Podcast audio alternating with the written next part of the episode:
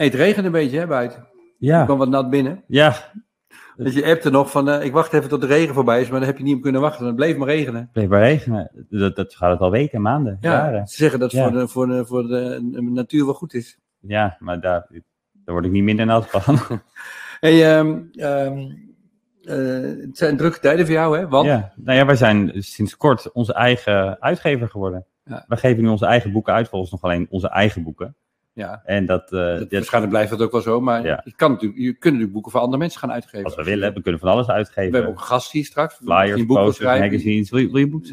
we Ja. Eh, nu kunnen we alles uitgeven. Maar ja, we, moeten wel, we zijn echt een heel nieuw vak er aan komt het... heel veel werk komt op Ja. jou en, en eh, schouders nu, toch? Ja, ja, ja Want? ik, ik, daar, ik ben vanaf nu de productieafdeling in mijn eentje. Mhm. Eh, dus er moet, er moet een hoog tempo, moeten de drukker, drukkerijen gezocht worden, offertes uitgevraagd worden, aantallen voor herdrukken bepaald worden. En dat moet dan weer gekoppeld worden met het Centraal Boekhuis. En dat is gewoon heel veel leerwerk. Gewoon hoe moet het? Als alles eenmaal geregeld is, zal het allemaal wel meevallen. Het is, ook wel, het is natuurlijk ook wel heel leuk werk. Het geeft ook wel energie om, eh, ja, om het helemaal te leren en opeens alles ook controle te hebben over alles. Dan ben je een soort, soort uitgever, ben je opeens. Ja. Had je dat als kind bedacht? Ik ga het woord later als ik gewoon ben uitgever. Ja. Zo groot ben je trouwens niet, maar Ja. nog steeds. Nee. We worden nooit groot, hoop ik. Ja, maar dat had je, dit had je nooit verwacht natuurlijk. Nee, nee. Maar ja, zo is het, zo is het, zo is het leven. hè. Je, je, je, Je doet Je- je, hoort- iets anders. je rolt een beetje van A naar B en je kijkt waar de kansen liggen. Je krijgt opeens een zoon. Ja, ja, precies. Ja. Hey, en, ehm, en er moet nog, eh, maakt niet uit, je kan er ook niks aan doen. Ja, jij kan er niks aan doen. Nee. En ehm, oh, voor de luisteraars, Jan is mijn zoon. En, Ja. ehm, eh, eh, en er moet een hele brochure komen, want we moeten natuurlijk ook eh, nu ons aanprijzen bij boekwinkels. Ook Ja, die moet moeten, gaan weten, die moeten weten dat we bestaan. Dus als, als, als je een boekhandel bent en je luistert, eh, koop onze Koop dingen. onze boeken, ja. Eh, Maar jij bent een beetje gestrest onder. Ja, wel een Je, beetje. je ja. kwam straks binnenlopen en ik denk, oh, dit is Jan, die, dit, is, dit is mijn zoon, ik ken hem weer, die gewoon net iets te veel werk heeft. Ja. En dan loopt hij meteen totaal over. Ja, Dat dan de meters helemaal in het rood eh, zijn. ja, ja, dat is wel een accurate beschrijving, ja. Ja. Ik, ik, eigenlijk, eigenlijk, ik heb maar twee standen. Of, of zeg maar, het is gewoon rustig en relaxed, geen paniek. Mhm. Of het is niet rustig, niet relaxed, alles paniek. Ja. Ja. Maar we, we worstelen ons er doorheen. Het komt wel Ja, goed. Hey, ehm, eh, eh, nou, ik ga voor This Live, hè? Ja, ik wou net Begin juni. heb je- maak jij nog dingen mee in het leven? Ja, het regent. Maar Ja. eh, eh, ik ga, er is een aanvraag begin juni voor een eh, club mensen die willen live iets gaan doen. En dat is voor het eerst voor mij sinds september dat ik weer voor levende mensen sta. En dat is wel raar, want ik doe alleen maar podcasts en webinars. En daar reageren mensen niet. Ja. Die luisteren dan. En eh, ik weet natuurlijk uit ervaring dat als je live voor een zaal staat, dan schieten mensen in de lach of ze kijken je raar aan. En denken, oh ja, ik krijg natuurlijk eh, feedback op wat je vertelt. Terwijl bij, bij een webinar of een podcast kan je maar doorratelen. Alleen de mensen met wie je in de ruimte bent, die daar reageer je op. Dus dat is ook wel heel leuk. Ik moest ook denken aan een, ehm, eh, dat eh, Bill Clinton een keer zei dat als hij een speech schreef, eh, dat hij dan ging timen als hij drie minuten duurde. En dan, dan ging hij er altijd vanuit dat het twee keer zoveel tijd nodig had, want de hele tijd geklapt en gelachen moest worden tussendoor. Dat gebeurt Nou, niet dat het bij mij ook gebeurt. Ja, ik ben je ik ben je voor. en, eh, nee, dus live is echt anders als natuurlijk dingen vanuit een studio doen. We zijn boos. Boos op hoe in veel organisaties werknemers als kleuters behandeld worden. Boos op hoe nogal eens niet het welzijn van de wereld, maar de welvaart van directies, eigenaren en aandeelhouders centraal staat. In deze podcast gaan we in gesprek met mensen die, als het gaat om werk, fundamenteel anders durven te denken en vooral durven te doen. Met belangstelling luisteren we naar de verhalen van deze dwarsdenkers, pioniers, durvals, weirdo's, kortom, omdenkers. Vandaag in onze studio een medewerker van de gemeente Hollandse Kroon. Een gemeente in de kop van Noord-Holland. Hollands. Het is toch Hollands? Ja, het is Hollands Hollands kroon. kroon. Ja, het is een een, fout, gewoon niet goed. het is een eh, fout die vaker gemaakt wordt. Maar het is gewoon Hollands kroon. Nou, dan ga ik gewoon even overnieuw Over beginnen. nou goed. Ja. daar. Vandaag in onze studio- Niet uit. Ik knip het niet uit. Nee, precies. Vandaag in onze studio een medewerker van de gemeente Hollands Kroon. Een gemeente in de kop van Noord-Holland. Die bestaat uit maar liefst 22 kernen, waaronder Anna Paulona, Lutjewinkel, Wieringenwerf, Oosterland en Westerland. In totaal wonen er bijna 50.000 mensen. Medewerkers van de gemeente Hollands Kroon werken in zelfsturende teams. Ze mogen zelf bepalen waar en wanneer ze werken. Als inwoner van de gemeente hoef je je paspoort niet op te halen. Ze komen die bij je thuis brengen.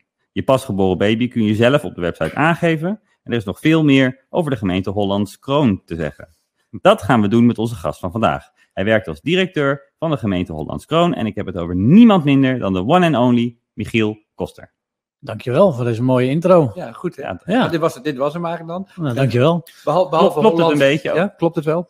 Behalve Ja, de uitspraak van de... De uitspraak klopt natuurlijk niet, maar verder klopt het wel. En er is inderdaad veel meer te vertellen eh, Ja. in, eh, over de prachtige kop van Noord-Holland, zoals dat zo mooi heet. En de, de, eh, het leuke aan ehm, eh, de eh, podcast van vorige keer was dat we een, gast hadden, een jongen, die ja, zeg maar bewijs kon leveren dat je ook als medewerker je bedrijf anders kunt organiseren door bij je baas te gaan pleiten voor ik wil gewoon een keer lange tijd weg.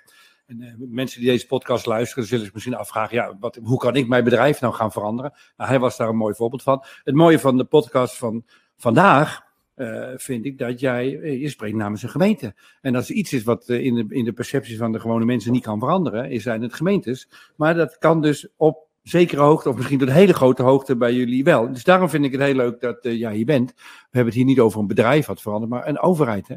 Ja, En, en niet een klein beetje. Of vertel eens, eh, vertel eens hoe, hoe ziet het eruit bij jullie?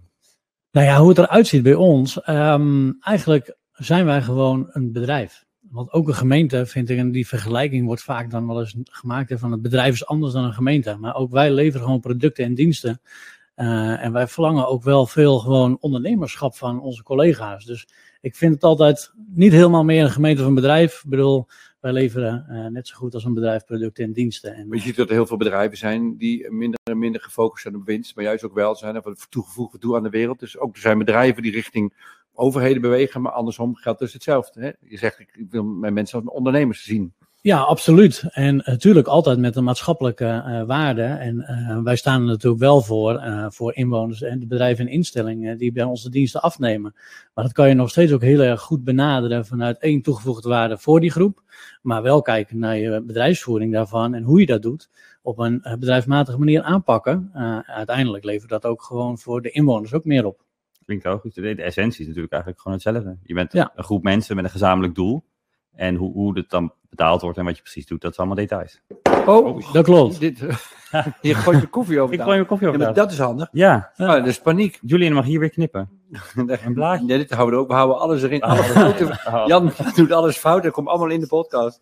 Ah, heel goed. Doe maar geen, geen drinken meer. Dat gaat. eh, dat... Ja, precies.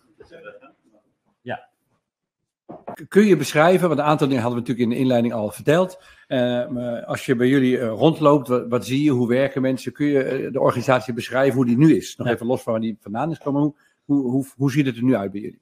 Nou ja, hoe we er nu uitzien is eigenlijk een heel leeg gebouw. Waar we geen mensen aantreffen. Want ja, ook door corona zijn wij noodgedwongen natuurlijk al anderhalf jaar volledig bijna thuis aan het werk. Ja. Ehm, en daar, eh, maar normaal gesproken, want ik ga dan toch maar even over normaal gesproken, zie je eigenlijk een eh, groep mensen die zelf eh, in teams werken, die eigen verantwoordelijkheid hebben, zelf bepalen wanneer ze willen, waar ze werken en hoe ze dat ook doen. Met uiteindelijk willen ze resultaten halen. En een resultaat halen, bij bedrijven is dat vaak een target. Hier gaat het over wat voeg je toe, hè, wat doe je voor die inwoner, wat spreek je af, wie heb je daarvoor nodig. En eigenlijk vanuit de kaders die we ook vanuit gewoon wel de politieke context meekrijgen, vanuit de gemeenteraad, hebben wij een organisatie met 40 zelfsturende teams, die daar hun afspraken maken en daarmee aan de gang gaan. Maar zelf hele platte, hele platte, hele managementlagen. Ja. Want er zijn drie mm, directeuren leidinggevenden. Hoe, Ja, we hebben eigenlijk een, een, een driekoppige directie, als je dat zo noemt. Eén, uh, iemand die ook gewoon algemeen directeur gemeentesecretaris is. En die zit heel erg aan die bestuurskant. Dus die ja. uh, zit altijd bij het college van burgemeesters en wethouders. Uh, en daarnaast hebben we twee directeuren die zich wat meer met de organisatie bemoeien. Eén van die twee ben jij dan? En een van de twee ben ik. Mag, ja. ik, mag ik zijn, laat Ja. ik het zo zeggen. Want ik vind het ook gewoon een voorrecht om dat te mogen zijn. Um, en ik vind het ook nog wel belangrijk om daarbij te zeggen, het is ook maar een rol. En ik denk dat als je kijkt naar onze organisatie, zie je allemaal teams, allemaal mensen met verschillende rollen. Die allemaal een steentje bijdragen. Want het gaat niet om mij, het gaat niet om die medewerker, maar het gaat om ons collectief. En ik denk als ik kijk naar de, de zelfsturende teams die wij hebben uh, rondlopen. Uh, wat dat vooral kenmerkt is een hoge creativiteit en verantwoordelijkheid en zelfstandigheid. En die mix voel je als je bij ons op het pand bent, omdat het heel laagdrempelig is. Het is heel sociaal, het is heel open. Uh, nou, ons kantoor is daar natuurlijk ook volledig op ingericht, als je het daarover hebt. Hè. Dus het is geen standaard bureauwerk, maar vooral hebben wij altijd geroepen, je komt naar kantoor om sociaal elkaar te ontmoeten, te brainstormen en creatief te zijn. En werken doe je het liefst waar het werk zit. Mhm. Dat is toch bij inwoners Mm-mm. bij bedrijven of gewoon thuis. Eh, want daar kan je het beste je werk doen. Eh, dus eigenlijk wel een omgekeerd concept van een klassiek gemeentehuis. Eh, en daar hadden inwoners bijvoorbeeld ook in het begin nog wel last van. Hè? Want we hebben geen gemeentehuis waar je zo naar binnen kan lopen meer. Met een, met, een, met een balie waar je rijbewijs ophaalt. Ja, inderdaad. En dat klinkt, toch, heel, eh, het klinkt heel erg als een soort, zo'n soort tech-startup. Ja, ik denk wel dat stiekem ergens in onze genen ook toen we ooit gestart zijn eh, met Hollandse Kroon. Hè, er zat ook wel een beetje het rebelse in. Het echt willen veranderen van die overheid. Eh, dat, zijn, jullie e- e- eigenwijze Noord-Hollanders dan? Verwijs je daarnaar? nou ja, eh, ik denk zeker dat wij typische Noord-Hollanders zijn. Hè? Zijn jullie West-Fries of moet ik dan zuidelijker zijn? Eh, een beetje zuidelijker. Ik wil je niet beledigen hoor. Nee, ik hoor, probeer- probeer nee. het gewoon te begrijpen. Hè? Ja. Ja, jullie zijn geen. West-Friesen. Dat vaar ik zelf wel. Ja. Nee, ik denk dat er een gezonde eigenwijsheid in zit. Ehm, en eh, nou ja, dat zie je ook wel terug in de manier hoe we het aanpakken. Maar wel heel nuchter en gewoon als iets je niet bevalt, dan wordt het gewoon ook uitgesproken. Even over die zelfsturende teams. Betekent dat ze budgetten hebben die ze zelf kunnen beheren, bijvoorbeeld? Eh, Ja, eigenlijk, eh, je bent dus verantwoordelijk voor een bepaald proces of een bepaald resultaat. bepaalde taken of bepaalde En, werk. bepaal- en daar horen ook gewoon de budgetten bij. Je hebt de mandaten om overeenkomsten te sluiten. Dus eigenlijk gaan we daarin heel ver. Ehm, je bent eigenlijk volledig bevoegd om dat ook te doen. Ehm, en eh, de manier waarop je dat doet, ben je ook nog eens vrij in, omdat je daarin eh, ja, toch als professional volgens mij altijd het beste weet hoe je eh, het gaat doen. Dus ik denk dat dat, ehm, nou, wat je zegt, mandaat, budget, maar ook hoe je dus organiseert projectmatig, met wie je het doet binnen de organisatie, die vrijheden horen er wel bij. Teams nemen hun eigen mensen ook aan, neem ik aan dan. Ja. Werken ook met unlimited leave, dat ze hun eigen tijd kunnen indelen zoals ze willen? Ja, ja, dat is eigenlijk een van de eerste stappen eh, waarbij we mensen ooit, en straks kunnen we daar denk ik ook nog wel over spreken in het begin, eh, de eerste stap om echt mensen plaatsen tijd onafhankelijk te laten werken. Dat was een- tijd onafhankelijk. Ja. Dus waar je werkt, hoe, en wanneer, zoek het allemaal maar uit. Zorg Ja. dat je werk goed gaat. was overleg met je team. Ja. Voor de rest is het dan aan jullie. dat was eigenlijk stap één. En dat, Wat ik, wat ik en, trouwens eh, zo geweldig vind, want wij zijn nu een beetje natuurlijk goed aan het inlezen op al dit soort dingen. Je kan er ongelooflijk ingewikkeld over doen, maar het is natuurlijk allemaal ontzettend simpel, toch? In principe is het Ja. heel simpel. Maar ja, het is heel moeilijk om het simpel te maken. Maar als het, een, eh, het is toch super simpel. Je hebt een groep mensen, dit is jullie taak en eh, zoek het maar uit met elkaar. Eigenlijk komt het, daar komt het toch eigenlijk om neer. En doe dat dan verantwoordelijk en met discipline. Nou, daar hoort dan weer heel veel bij, maar Ik heb het idee dat heel veel van, van, van nieuw en anders werken is vooral niet op de oude manier werken. Die hele corporate manier die in de jaren zestig is gekopie- gekopieerd van, van cubicles en, en inklokken en dat hele fabrieksarbeiderige gedoe. Zolang je dat niet doet, dan zit je volgens mij al goed.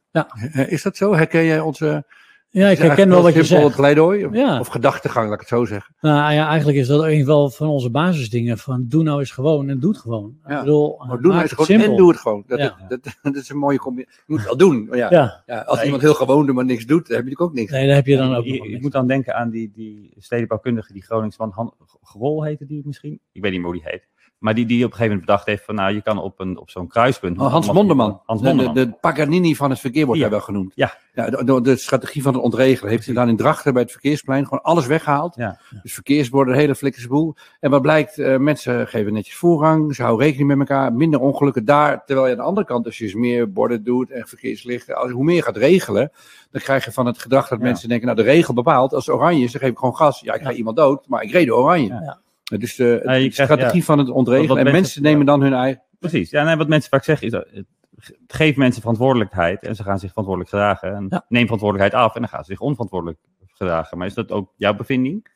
Ja, dat, eigenlijk kan je dat wel zo stellen. een hele- dat is wel een open deur hoor. Verhalen, dan kan je alleen maar ja op zeggen. Is het de Een meest goede gesloten vraag aller tijden?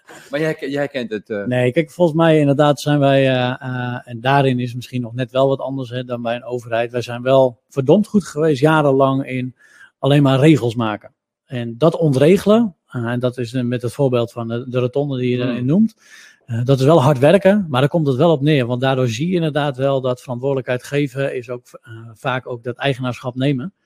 Ehm, en hoe minder regels je hebt, hoe meer resultaat eruit komt. Eh, dat ben ik helemaal met je. Gewel- Geweldig, maar ik heb moet denken, net is dat de ooit wilde de overheid gaan dereguleren, een aantal jaar geleden. Eerst wat ze deden was een handboek opstellen met regels waar de deregulering aan moest voldoen. Dat is, dat is toch een grap. Maar goed, we, we hebben een beetje beeld van, heel, heel schematisch waar het nu is. Maar zo was het in, wat was het, 2012, 2013, was het natuurlijk niet zo. Nee. En toen werkte jij er ook al, hè? Toch? Want je werkte Ja, al eh, best lang. Ik, ben, ja, ik werk er nu tien jaar, eh, want... eh, Dat is niet te zien. Nee, is niet Nee. te zien, dankjewel. Ja. Maar Nee, 2012 is natuurlijk uh, Hollands Kroon ontstaan, want het is natuurlijk een fusiegemeente. Daarvoor waren het vier kleinere gemeenten. Uh, maar 2012 zijn we dus echt gest uh, gestart. toen ben ik daar ook bijgekomen eigenlijk. En um, ja, to toen zag het de wereld er nog wel anders uit. Um, want het waren gewoon vier traditionele gemeentes, neem ik aan. Ja. Gemeenteorganisaties. Klopt. Ja. En die toch naar een nieuwe entiteit gingen, hè, naar één nieuwe gemeente. Um, en meteen eigenlijk de start, ja, die zal ik nooit meer vergeten. Uh, is tijdens de uh, nieuwjaarsbijeenkomst. Dat iedereen zit te puffen naar een bestuurlijke fusie. Hè, van hey, het doet het allemaal, het werkt. Ja. Uh, dat we eigenlijk daar met elkaar allemaal gezegd hebben: ja, maar wen er maar aan. Want de verandering die je nu gevoeld hebt, is de enige verandering die blijft de komende jaren. Want we moeten als overheid doorveranderen. Uh, dus eigenlijk de rust die iedereen dacht: we beginnen weer opnieuw werd meteen aangewakkerd van, maar nu gaat pas het echte werk. Maar wie deed je dat? Wie waren daar de, dat hoeft, dit hoeft toch niemand, wie bedenkt dit? Dat hoeft toch niet? Iemand Nee, moet initiatief genomen. Wie, wie, Ja. nou, wie waren de initiatiefnemers van deze beweging? Nou, ik denk ook de, de vorige directie. Uh, onder andere ook de, hè, de schrijvers van een boek Pole Position. Daar hadden we het even in het voorgesprek. Hadden we het, kwamen we natuurlijk kort daarbij. Ja, als, je, als je als luisteraar, als je meer wil weten van het hele proces. De eerste jaren, zeg jij, zijn in het boek heel goed beschreven. Het Ja. boek Pole Position van Anja van der Horst, Arthur Kremers en Wim van Twijver, lees ik dan voor. Maar ja, Nee, dat klopt. Uh, en ook die hebben natuurlijk daar een start mee gemaakt samen met de organisatie. Uh, maar niet vanuit, nou ja, wel vanuit hun beeld en hun perspectief. Hè, van zo moet het eruit komen te zien. Maar ik denk dat er één heel belangrijk dingetje aan de grondslag ligt. En dat is toen die fusie tot stand kwam, is dat de vier gemeenteraden uh, ook gezegd hebben met elkaar. Wij willen voor die nieuwe gemeente uh, dat we in onze visie neerleggen dat het zelfstandige en zelfredzame inwoners worden. Dus heel erg die Hmm. zelfredzame samenleving, waar vaak over gesproken is. Ja. Dat was een vertrekpunt voor de nieuwe gemeente. En als je dat doet, heb je natuurlijk ook een enorm kapstok als organisatie. Want dan moet je daar ook aan gaan voldoen. Want als je het vraagt van je inwoner, moet je ook zelf het goede voorbeeld geven. Ja. Uh, dus daar is ook meteen wel een zaadje al gekomen, waardoor we zijn uh, gaan rollen. en wat zijn, wat zijn toen de eerste dingen die, die, uh, die jullie zijn gaan doen als gemeente? Um, toch heel erg uh, klassieke patronen doorbreken. Uh, tijds, plaats, omvangelijk werken. En toen was een beetje het nieuwe werken, wat Ja, toen zo heette, was toen ook in opkomst. Uh, dus daar hebben we heel veel aan geda- gedaan om met name klassieke patronen van mensen eens te doorbreken. Um, en in de beginjaren zag je dat ook echt wel toch een stukje weerstand. Hè? Want nou ja, dan ging ik opeens ging ik een middag vissen. Uh, of voetballen of iets anders doen. Maakt niet uit wat. Uh, en dan hoorde je toch in de wandelgangen. Gaat hij nou alweer smiddags weg? Uh, het voelde Ja. bijna in het begin als spijbelen, zoals je dat op school wel eens kent. Ja. Uh, maar langzaam maar zeker uh, zie je dat dat allemaal afbrokkelt. En dan uh, gaat het ook over welk vertrouwen krijg je erbij. Want de uh, start van Hollandse Kroon is dat wij en nog steeds alles op basis van onze kernwaarden doen. Uh, en dat waren in de beginjaren waren dat er vijf. Maar het allerbelangrijkste was vertrouwen. Ja, ja. En vertrouwen is een mooi woord. Eigenlijk waar we het straks ook al over hadden, hè? de kern Ja. of je mensen vertrouwen geeft Ja. Of niet. Dat is een mooi woord, zei jij, maar, maar doe Ja. het maar eens. Hè? Doe het maar. Ja, doe het maar eens. Ja, want wat houdt dat dan in? Hè? Vaak, uh, je ziet het overal natuurlijk in organisaties, vertrouwen geven. En, uh, uh, en dat heeft toch wel ook te maken met dat plaats tijd en afhankelijk even als voorbeeldje. Maar um, door ook meteen wel de prikkelok van de muur te slaan. Want als je dan het een doet, maar het andere hou je intact. Hè? Dus dat, ook dat ontregelen wat je net ook als voorbeeld gaf. Uh, dan moet je wel consequent alles doorvoeren. Dus die ontregeling en het vertrouwen geven ook echt aan mensen geven van, en we komen er dan ook niet meer op terug. Um, Wat deden jullie toen ook al meteen uh, met Unlimited Leave, geen urenregistratie? Werd dat, al, dat soort principes al vrij snel ingevoerd? Ja, zeker in de. Uh, uh, ik denk dat dat heel snel daarna kwam dat we ook zeiden: ja, bedoel, als je overal mag werken en kan werken, bedoel. Waarom zou als een kleutermeester of juf jouw uren gaan bij je houden? Ja. Hoe, dat, dat, dat moet voor heel veel mensen ook een enorme shock geweest zijn. Een enorme, hoe kan dat zomaar? Gaat dit gewoon echt gebeuren? Ja, ik, wil, ik wil eigenlijk heel, ik wil, Ja. eigenlijk heel graag ook weten, zijn er ook mensen die eigenlijk buiten boord zijn gevallen, die, dat, die gewoon niet, niet konden veranderen? Want dat is de- een obstakel die mensen altijd zeggen als je het hebt over anders werken, is eerst dat ja, maar bij ons, met die mensen, dat zou niet kunnen. Nee, en ik denk dat dat gewoon ook uh, uh, terecht is. Uh, ik bedoel, wij hebben dat ook gezien. Um, ik heb echt wel gemerkt uh, dat je echt wel een visie nodig hebt. Hè? Dus we hebben heel duidelijk een visie neergelegd. En ook wel een veilige omgeving gecreëerd. Maar wel gezegd, als je niet aan kan voldoen, dan houdt het hier wel op. Hmm. En dat klinkt heel zakelijk. Uh, maar ik denk wel echt oprecht dat we heel veel ruimte aan mensen hebben gegeven om te kijken naar hunzelf. En dan komt hij weer over eigen verantwoordelijkheid. Um, ga je erin mee? Kan je erin mee? Hè? Dus dat, uh, dan ben je onze, uh, onze gast.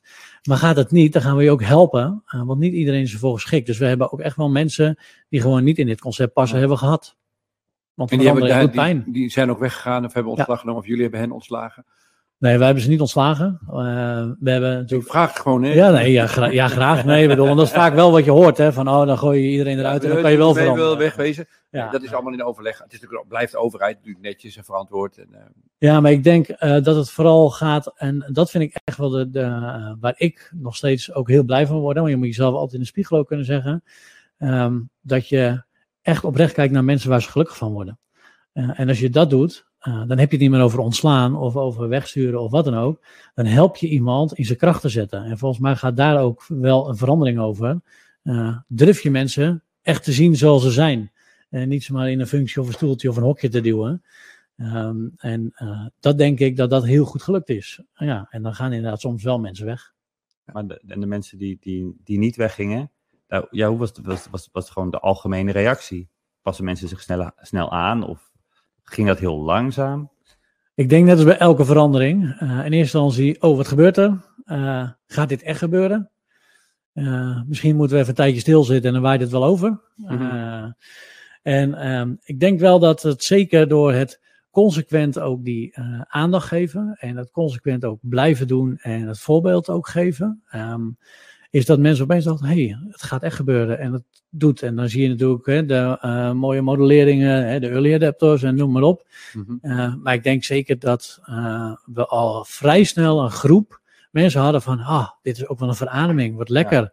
En ja, we worden... Kan, kan, je een moment kan je een moment beschrijven of een gebeurtenis waarin jij de overtuiging had, ja, op dit punt zijn we nu. nu deze beweging is, is begonnen en die gaat wel doorzetten. Het werkt. Het werkt, ja. Nou, eigenlijk, en dan maken we gewoon heel plat, uh, want dat vind ik wel fijn vaak. Um, als je begint met plaatstijd onafhankelijk werken, hou ik hem toch even nog daar. Um, ja. Dat de eerste reactie is binnen een paar maanden van mensen, oh, dan heb je die spijbelaar weer. Uh, dat als grapje, dat is een grapje werden gemaakt. Ja. Dat, dat daarna eigenlijk... Goedemiddag, uh, ben je wezen vissen, jongen? Dat daarna eigenlijk het omkantelde in naar degene die erachter bleef van, wanneer ga jij nou eens? Ja. Ja. Uh, en ik denk als je dat soort vragen en vraagstellingen binnen een organisatie hoort kantelen. Dan is er een nieuw normaal, zeg maar. Ja. ja. En dat geeft dan een bevestiging dat je denkt, hé, hey, er verandert echt wat. Ja. Nou, er zijn tientallen vragen te stellen, maar we hebben dit gesprek structuur gegeven, uh, hoop ik dan maar, door jou van tevoren een, een, een, een, een soort, uh, een soort thuiswerkopdracht te geven, om na te denken over de tussen, we hebben even kort het begin geschetst met vier gemeenten die samengaan en waar we nu zijn, in globale beelden, maar we hebben jou de vraag gesteld van tevoren, kun jij in de loop van de jaren een aantal momenten aanwijzen waarbij fricties, tegenslagen, complicaties optraden uh, die jullie hebben moeten zien te overwinnen. Ja. En uh, daar heb je over nagedacht, want je hebt natuurlijk je huiswerk goed gedaan als uh, verantwoordelijk iemand, toch? Ja, tuurlijk. Uiteraard. Ja, uiteraard. Dus zullen, we, zullen, we die, zullen, we, zullen we die eens gaan onderzoeken? Ondertussen zijn nog wel alle andere vragen die aan bod kunnen komen. Dan hebben we een soort tada, structuur. Ja, dus ja. We, ja, een soort betoog. Ja, ja wow. soort verhaal. Wow. Dus vraag 1, wat, is, wat was tegenslag 1?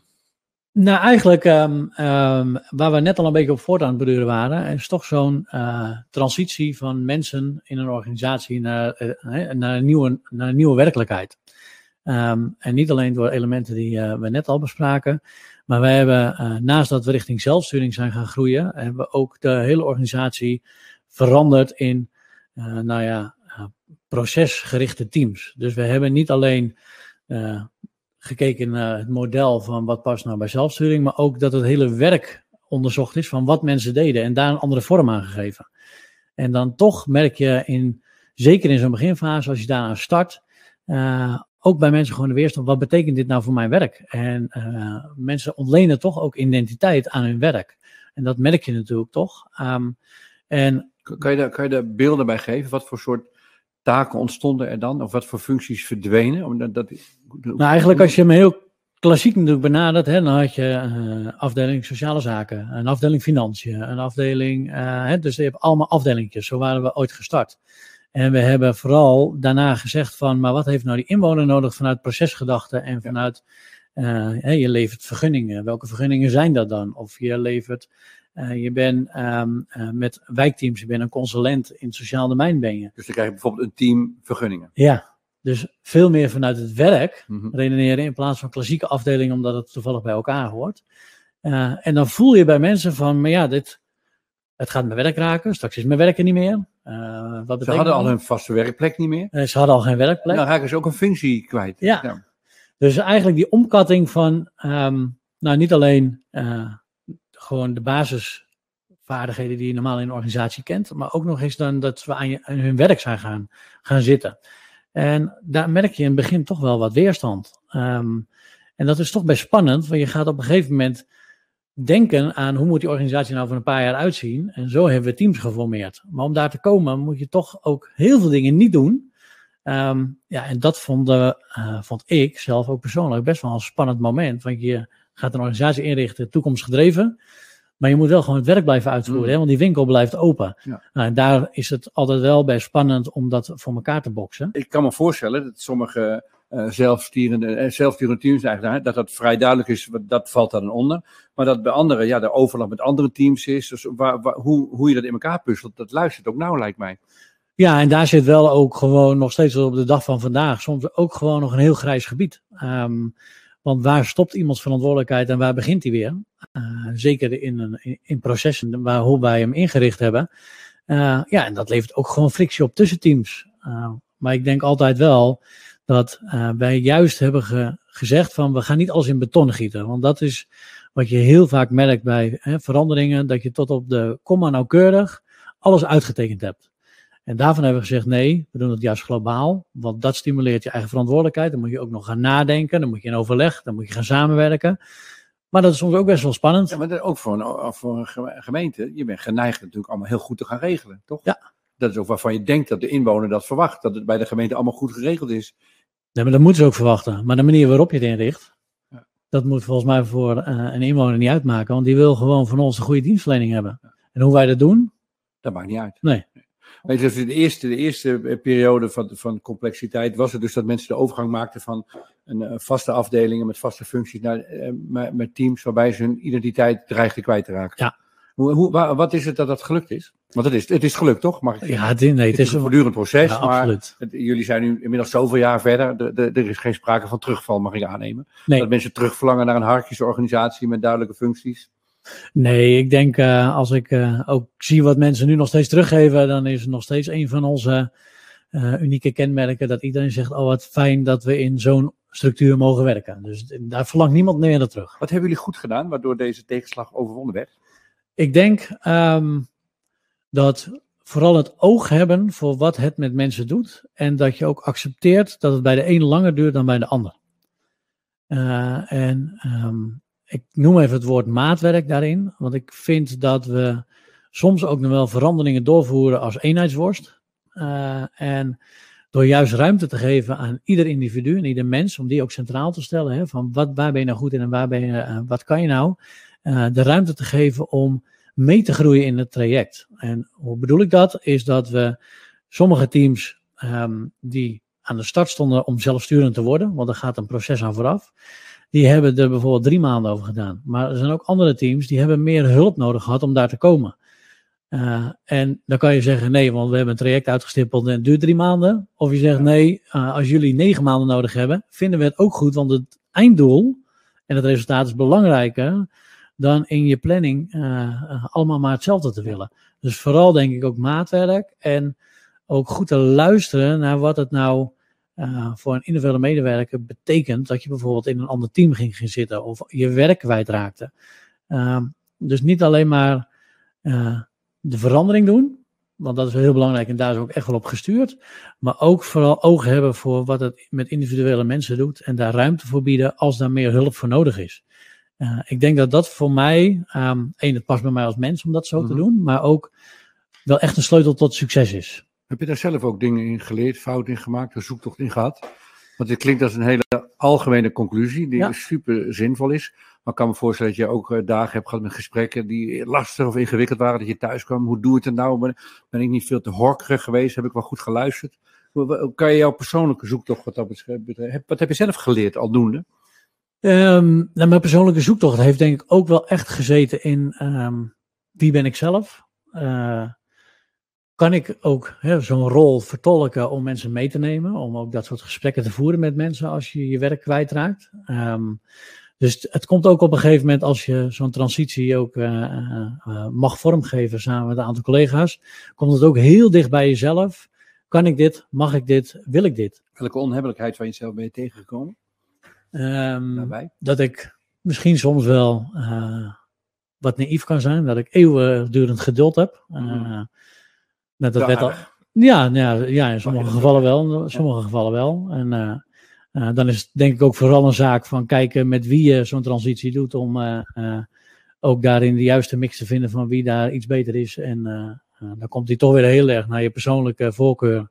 Waar ben je goed in? En wat is mijn toegevoegde waarde? Maar ja, je komt jezelf ook gewoon een aantal keer tegen. We hebben, nou misschien heel raar gezegd, maar we hebben toen we eraan starten een, een cursus rouwkunde gedaan. Hmm.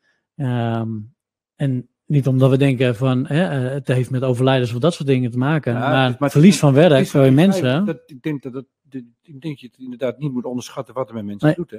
Dus verlies van werk bij mensen hebben we proberen ook vanuit nou, toch een beetje uh, de rouwkundige achtergrond, laat ik het zo zeggen. Wat heel zwaar klinkt. Maar wel, uh, het is een soort afscheid nemen van sommige dingen. En dat moet je wel mensen in begeleiden leren om een stap verder te kunnen zetten.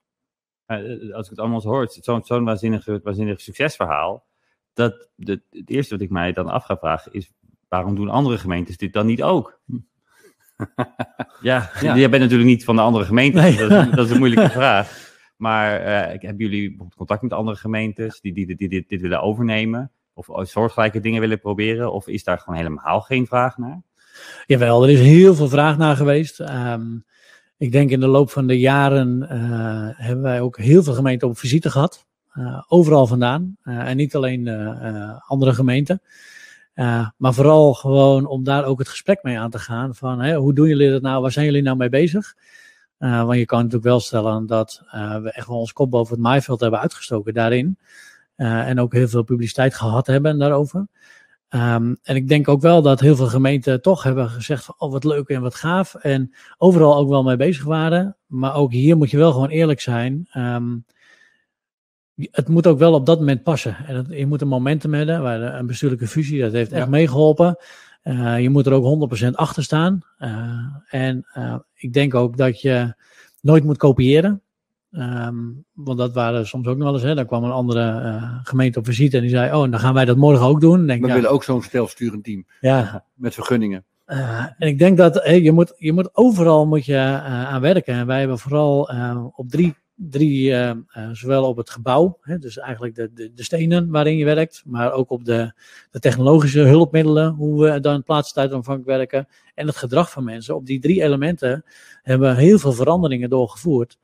Um, ja, dat doe je ook niet zo 1, 2, 3. Um, maar we zien wel gelukkig, en daar ben ik echt heel blij mee, dat heel veel gemeenten ook hun draai eraan geven. En uh, wij ook straks weer van die gemeente kunnen leren. Hè? Want uh, nou ja, straks heb je, je hebt ook op sommige onderdelen de wet van de remmende voorsprong. Ja. Dus wij gaan straks ook weer leren van anderen. En volgens mij, dat is altijd ook wel een beetje de insteek geweest die we gehad hebben. We delen het ook graag en we vertellen het ook graag. Want ik bedoel, um, wij zijn niet uniek. En we werken, zijn ook maar een gemeente die in de BV Nederland werken. Dus laten we alsjeblieft ook met elkaar daar iets meer heb je, heb je, heb je ook cynisme, ben je ook cynisme tegengekomen? Ja. ja. Wat voor soort dan? Nou, toch wel van de, um, ook gewoon andere gemeenten, van de investoren. Wat gebeurt er nou? En dat kan toch allemaal niet? En dat mag allemaal niet? En dat gaat tegen bepaalde dingetjes in. En uh, nou, ook soms wel letterlijk van, nou, het hopen dat het niet lukt. Want dan gaan we tenminste weer hmm. terug naar het oude. Ja. Uh, dus ja, zeker ook cynisme mee. Ik moet ook denken aan uh, het Parktheater in Eindhoven. De directeur van Giel Pastoor. Er was een grote verbouwing geweest. had een heleboel geld gekost. Vlak voordat hij er was. Uh, echt veel. Daar kunnen jullie ook over meepraten. komen misschien ook nog over te spreken dadelijk. In ieder geval dat had, de gemeente had bijgesprongen om het Parktheater te laten overleven. Maar Giel Pastoor was ook een ondernemend theaterdirecteur. Dus die, die wist gewoon aardig wat ja, geld te verdienen. Dus na een paar jaar, toen de gemeente wat moeilijk had, stortte hij een miljoen euro van zijn, uh, van zijn, van zijn winst up, terug naar de gemeente. Zo van, jullie hebben ons destijds geholpen, maar nu zitten we iets ruimer in onze middelen, stort ik een miljoen naar jullie terug. Nou, mooi gebaar. Maar de hele theaterwereld viel dus over hem heen. Van hoe kan je nou maken dat in tijden van kunstculturele bezuinigingen je een signaal afgeeft, alsof wij in de kunstensector ook winst zouden kunnen maken. Maar hij was niet bezig een signaal af te geven dat de kunst, hij had, ze hadden gewoon winst gemaakt. Alleen het was natuurlijk voor andere de theaterbedrijven, was natuurlijk, dit was natuurlijk een soort ja, bewijs dat het ook anders kon. En dat bewijs vonden zij natuurlijk on, een onaangenaam bewijs. Dus ik kan me ook voorstellen, in, en terug naar jou, dat voor een gemeente die volgens de klassieke structuur werkt, dit heel, iets heel onaangenaams heeft. Want als het werkt, ja, en het doet het aan alle kanten, ja, waarom zou je daar niet meegaan, toch? Dat heet dat klopt. een beetje hetzelfde als wat je hebt als, als, je, als je mensen vertelt, ja nee, ik, ik eet vegetarisch. Dan, gaan men, dan worden mensen meteen boos. Zo. Ik, zeg alleen maar wat ik eet. Maar dan, ja, daarmee zeg je, door, door het anders te doen, zeg je tegen andere mensen, door je, eigenlijk door je gedrag, van het kan beter dan hoe jij het doet. Het is ook een, kan ook als een belediging overkomen Ja. dat je succes hebt. Ja, niet te veel ja. succes, hè? Rustig aan. Nou ja, Maar nee, jij ja. herkent die geluiden, herken je wel. natuurlijk herkennen we die geluiden ook. Dat is Een lange Ja. vraag van onze kant waar je dan alleen ja op ja, Ja. zeggen. Nee, maar je herkent het natuurlijk wel, maar je bent vooral, denk ik, ook gewoon. ehm, ja, ik, ik ben altijd wel van: het, dit past ons. En je moet altijd kijken naar wat bij jou past en wat je het beste resultaat mee haalt om, om eh, in dit geval bij onze inwoners, eh, hè, de bedrijven en instellingen te helpen. En wij denken dat deze manier heel goed aansloot en dan is een andere manier niet slecht. Eh, en ik denk dat het ook terugkomt in een andere kennenbaar die we hebben, is respect. Mm. Ja, je mag anders zijn. Ik bedoel, ehm, hè, dat zeggen we in de organisatie, maar dat geldt natuurlijk ook voor alles om ons heen. Ik bedoel, ja, wij zijn net iets anders omdat dat ons past. Maar ja, een andere gemeente mag anders zijn. En ik denk dat eh, daar en die jaloezie, die hebben we natuurlijk ook wel eens geproefd. Maar vooral gaat het mij erom van ja, eh, doe wat je moet doen en eh, wat, bij je, wat bij je past. Want het wordt er alleen maar leuker van. De tweede tegenslag? Ja, je noemde net eh, met, met de schuin ogen doe ik een verbouwing. Ja. Ehm, Ik denk, laat ik er eens over beginnen. ja. Ik heb ook een beetje gelezen van de vorige boek. Nee, we hebben natuurlijk wel een, ook een behoorlijke tegenslag gehad. In de zin van wat breed uitgemeten ook in de media is. Ja. Door een overschrijding van eh, kredieten bij een verbouwing. Even Eh, de getallen. Wat was er begroten en wat ging er uiteindelijk eh, doorheen? ja, geen idee. Dat weet je, ja, jawel, dat weet je toch Nee, nee, nee. Ik moet echt oprecht zeggen. ik Bedoel, Weet je dat niet? Nee, nee, niet Maar is dat zo niet dat je dat niet weet? Nee, vind ik niet. Is Want dat ik, juist de kern van het, de kern van het probleem? nee, ik vind dat het namelijk vooral ehm, even ehm, en moet gaan. De tegenslag zit erin dat het eh, politieke consequenties heeft als er iets gebeurt hè, bij een overschrijding. Ja. Eh, en eh, dat hebben wij meegemaakt. En dat had naast politieke consequenties ook organisatorische consequenties. Want ook de gemeentesecretaris daarin, eh, moest daarin vertrekken. En dat heeft natuurlijk een mega impact op een Ja. organisatie. Ja, want die zat er al heel lang, neem ik aan, op dat moment. De Nou, gemeentesecretaris. nou ja, niet in, in die rol, maar is wel natuurlijk een van ook de, de oprichters bij Ja. Hollands Kroon, ook vanaf de start. En dan gaat het je ook menselijk gewoon aan het hart. Ja. Maar je weet allemaal, dit hoort bij die rol. Hè? Het kan gebeuren. Net zo goed als dat een wethouder ook weet dat het bij zijn rollen hoort. Dat kan gebeuren. Eh, ik praat het niet goed. Het is gewoon ook een flinke overschrijding geweest. Er zijn consequenties aan verbonden. Daar moet je ook van leren. Eh, maar wat vooral voor mij de tegenslag in dat opzicht was, is dat dat ehm, als je zo hard bezig bent met organisatieverandering, eh, dat het niet alleen een, een aanval werd vanuit de media ook op er is een overschrijding, maar dat het ook een aanval op het concept. Ja, want dat, nou, ze hadden ze stokken mee te slaan hè, natuurlijk. Ja, en dan kwamen meteen natuurlijk al dat soort geluiden van, hè, dan wordt Ze bijna... geven maar geld uit. eh, Ja, en eh, ze doen maar wat en iedereen mag vakantie nemen. En, het, dus de tegengestelde eigenlijk wat voorheen de positieve punten waren, werden Ja. nu negatief eigenlijk belicht. Ehm, ja, en, en dat raakt je wel. Dat je denkt, ja, maar nu wordt het ook wel even, moeten we wel het beestje bij het schuurtje laten. Want dit gaat over een project wat niet goed is gegaan, waar we alle verantwoordelijkheid voor genomen hebben, bestuurlijk en organisatorisch.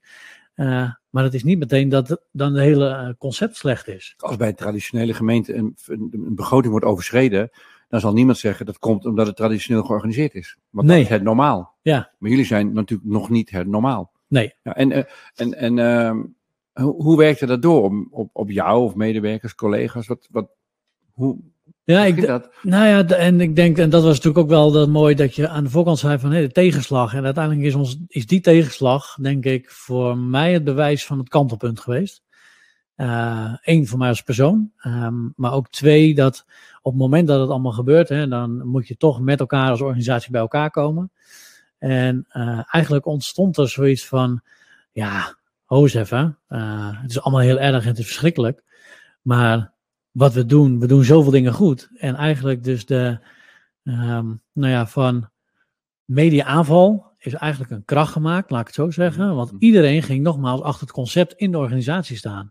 En had zoiets van, ja, potverdikkie, we gaan gewoon laten zien eh, dat we het hartstikke goed doen. Dus het werd Hmm. eigenlijk gezamenlijke opgepakt. vijand. Het werd gezamenlijke vijand, maar Dit ik eh, vond dat omdenken. wel. Dit is eh, omdenken. Ik vond dat echt heel mooi om te zien. En je voelde het op dat moment ook in, in de zaal waar we waren. ehm, dat het individuele verlies van mensen heel groot was. Maar de kracht van dit is van ons en wij zijn ons kroon en we staan nog voor ons concept.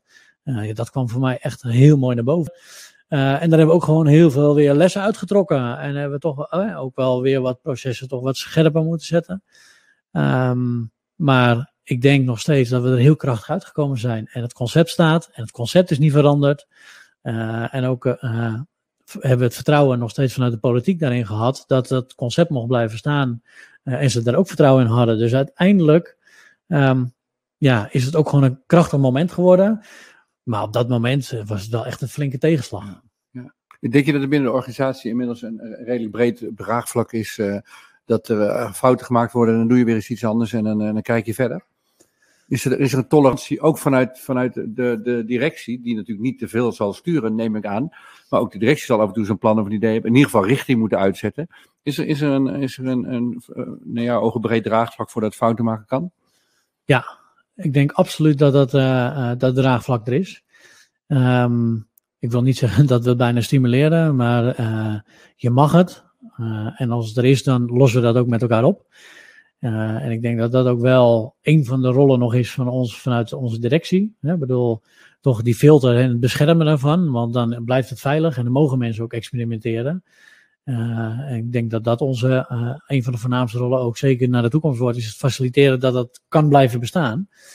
Ehm, maar dat draagvlak onderling is er ook zeker. Ja. En de bereidwilligheid om dan te helpen, eh, heb ik ook nog niet veel in organisaties gezien.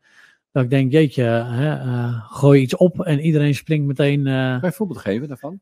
ja, nou eigenlijk bijvoorbeeld wel corona gerelateerd laatst tijd met die TOZO-regeling. Mhm. Ehm, we wisten niks eh, van tevoren. Je krijgt een regeling om uit te voeren. En eh, uit heel veel hoeken en gaten hebben mensen hun vinger op te steken. Kan ik helpen? Dan gaan we het doen en dan gaan we het proces bedenken. En dat is niet alleen maar het team wat daarvoor verantwoordelijk is. En eh, dat is niet iets dat je dan actief hoeft te vragen. Hmm. Maar het wordt actief aangeboden. Hmm. En ik denk dat dat... Mensen eh, voelen aan, ja. het team dat daar zit, heeft nu mijn expertise, hulp, deskundigheid, tijd eh, nodig. dat vond ik echt een, een, wel ook gewoon een, een heel mooi voorbeeld van eh, hoe proactief mensen zijn en hoe dan het organisatiebelang voorop staat. Eh, want dan is daar even iets meer nodig en dan gaan we helpen. Je zei trouwens, in, eh, in- in- was in het voorgesprek, dat de overgang voor- corona in, in een uur gebeurd was eigenlijk. Hè? Ja, als je al zo lang bezig bent met plaatstijd onafhankelijk werken en het liefst eh, eh, digitaal werken, hè, want wij zijn ook wat dat betreft hebben wij vanuit onze filosofie digitaal tenzij. Dus dat is ook het hele Hmm. eh, waarop onze Een organisatie heel, be- ingericht heel is. belangrijk onderdeel van de verandering. Hè? Dat heel veel, heel veel digitaal kan. Ook, Dus, voor de, eh, ook voor de inwoner. Dus wat dat betreft, ja, was voor ons natuurlijk, ja, corona eh, kwam, eh, besluit nemen van we moeten. Ehm, toen was eigenlijk met een mail eh, en een uur later zat iedereen thuis en kon iedereen aan het werk En blijven. maar dat waren ze al gewend natuurlijk. Ja, dus de stress die we bij andere gemeenten wel eens gevoeld hebben, hè, want er moesten opeens allerlei nog middelen ingezet worden, die, eh, dat hadden wij al gefaciliteerd. Dus ja, dan is het alleen maar, ja, je mag alleen niet meer komen. Eh, Ja. Dus ja, ik heb daar echt wel van genoten hoe flexibel ook dan een organisatie is, die wel al gefaciliteerd was. Maar die zei, oké, doen we, gaan we doen. We passen onze processen aan en eh, klaar. Eh, en dan weer zoeken naar nieuwe, eh, nieuwe mogelijkheden die we later ook weer kunnen toepassen. eh, wat soms ook nog wel tegen wet en regelgeving aanschuurt. Want waar refereer je dan naar? Nou ja, eh, jij gaf misschien in je voortraject hè, zo'n aangifte van een geboorte. Dat mag dan wel, maar er waren ook nog wel wat, in ieder geval, producten die wij ook leveren of diensten die wij leveren, waar wet en regelgeving zegt dat je echt in persoon moet komen. Ja. Maar als je corona hebt en je mag niet in persoon komen, Wat doe je dan? eh, wat doe je dan? Ja. Dan kan je of alles opschorten of je zegt we doen het gewoon digitaal en we zien wel waar het schip strandt. Ehm, nou ja, dat soort voorbeelden zie je meteen dat onze collega's dan denken, oh dit is een kans of dit is een mogelijkheid. We gaan het gewoon We proberen. gaan het proberen. Ja. Eh, en we gaan pilots draaien, we gaan dit doen. En ehm, ja, dan vind ik ook wel weer dat, eh, los van dat we allemaal voelen dat het, hè, dat het een hele negatieve periode is geweest, haal ik er ook wel weer hele mooie nieuwe winsten uit voor onze organisatie in de- onze ontwikkeling. De, de derde tegenslag?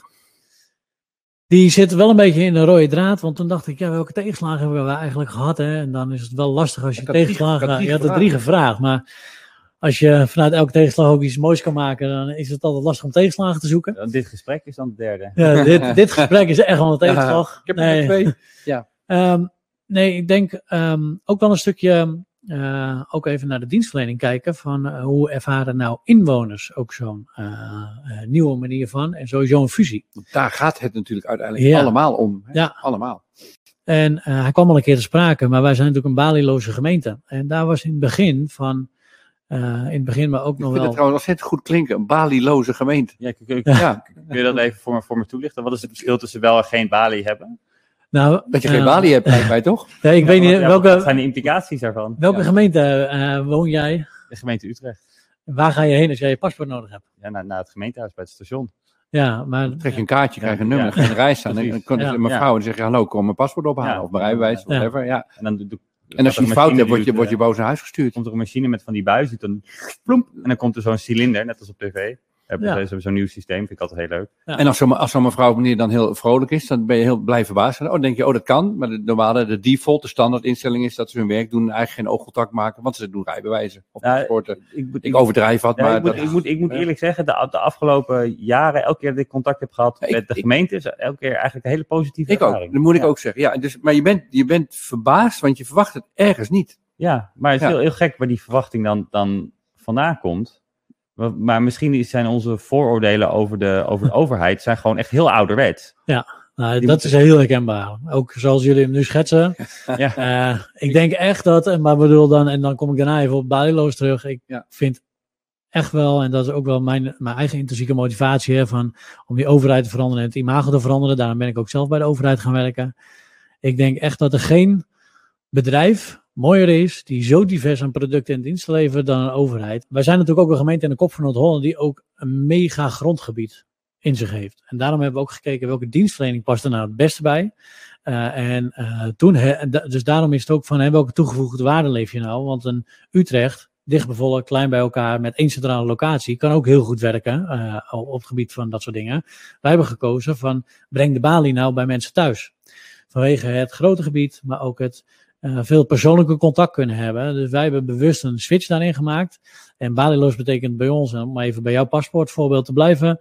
eh, je maakt online een afspraak en dan komt iemand van de gemeente met een mooi autootje langs. Die doet thuis bij jou de aanvraag in een tijdvak, zoals je ook kent bij de Bol.coms en de Cool Blues. En ehm, je aanvraag wordt gedaan en een week later komen we hem weer brengen. Dat is toch Ja. fascinerend? Wat een service. Ja, ja ik vind het, Dat is toch eh, geweldig? ik vind het fascinerend enerzijds, maar ik vind het ook gewoon wat we, we verlangen van alle bedrijven om ons heen. En in deze digitale wereld bestellen we alles online. Daar kunnen we als overheid ook echt wel ver in gaan. Ehm, dus nou ja, daarom hebben wij gekozen voor die methodiek. En hoe, hoe, reageren, hoe reageren inwoners daarop?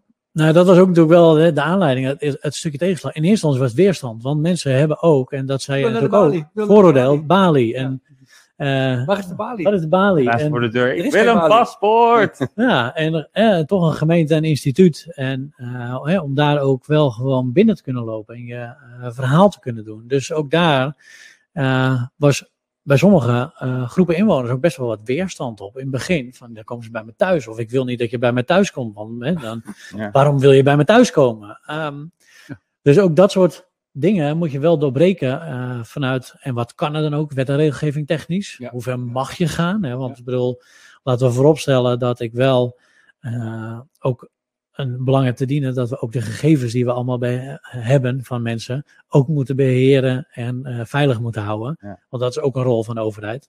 Heb, heb- heb, je, eh, heb, heb je nog plannen voor de toekomst? Zitten er nog dingen op de rol? Ik, ben, ik, ben bij, ik werk bij de gemeente. Waar moet ik nog bang voor zijn? Of waar mag ik op hopen? Eh, eh, nog ambities? Nou ja, ik denk dat we heel veel ambities hebben. Ik denk dat eh, we nog steeds ehm, het moeten vervolmaken en moeten verbeteren van hetgeen we doen. En ik denk dat dat ook wel teruggezien is in filmpjes die wij maken of in onze. eh, hè, wij werken nu met, met een, eh, eh, een nieuwe visie die Focus 2023 heet. Waarin we toch elke keer zeggen van wij geloven dat het elke keer slimmer kan. Dus je moet jezelf blijven uitdagen, innoveren en vernieuwen. Ehm, dat is ook wel uh, wat we proberen te blijven doen. Uh, en ik denk die ambitie ga je terug weer zien in nog verder digitaliseren. Uh, nog efficiënter processen inrichten, waardoor producten nog sneller af te handelen zijn. ook veel meer nog een platform, ook doordat we geleerd hebben van corona, een platform te zijn waar mensen kunnen samenkomen. Dus ook die community en dat zelfredzame en zelfstandige van inwoners ook te benutten om ook de voorzieningen goed te houden. dus ambities te over. Organisatie technisch denk ik. We zijn op weg, we zijn er nog lang niet en we kunnen echt weer een volgende stap maken, ook in onze eigen ontwikkeling. Maar dan moeten we wel blijven durven uh, ook erkennen en herkennen dat dingen altijd beter kunnen. Ja. Uh, en die vraag moeten we altijd blijven stellen aan onszelf. Ik wil je hartelijk danken voor jouw uh, aanwezigheid en je krijgt van ons het uh, felbegeerde uh, omdenken gevelbord. Ja. Zodat ik Komen we ook bij je thuis brengen? echt niet, echt niet, doei. Noord-Holland, fucking Hey, wij hebben wel een baan. Uit Utrecht dan. Oh, ja. ja. Dus uh, dank voor dank. Uh, super tof dat je hier was. Heel leuk. Ja, dankjewel. Ja. graag. Ja, heel leuk om uh, zo met jullie hier eens over te hebben. Ja. Want ook vanuit het omdenken gedachte past het wel bij hoe wij als organisatie ook een hoop dingen hebben gedaan. Dus blijft dat ook vooral roepen overal.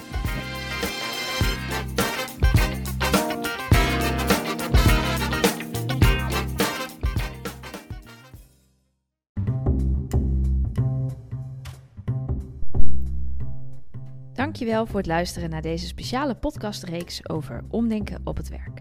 Inmiddels staan alle acht afleveringen online, dus als je ze nog niet allemaal geluisterd hebt, dan heb je wat te doen de komende tijd. En heb je ze nou met plezier geluisterd, dan zouden we het heel erg op prijs stellen als je een review achterlaat. Dat kan in de podcast-app van Apple.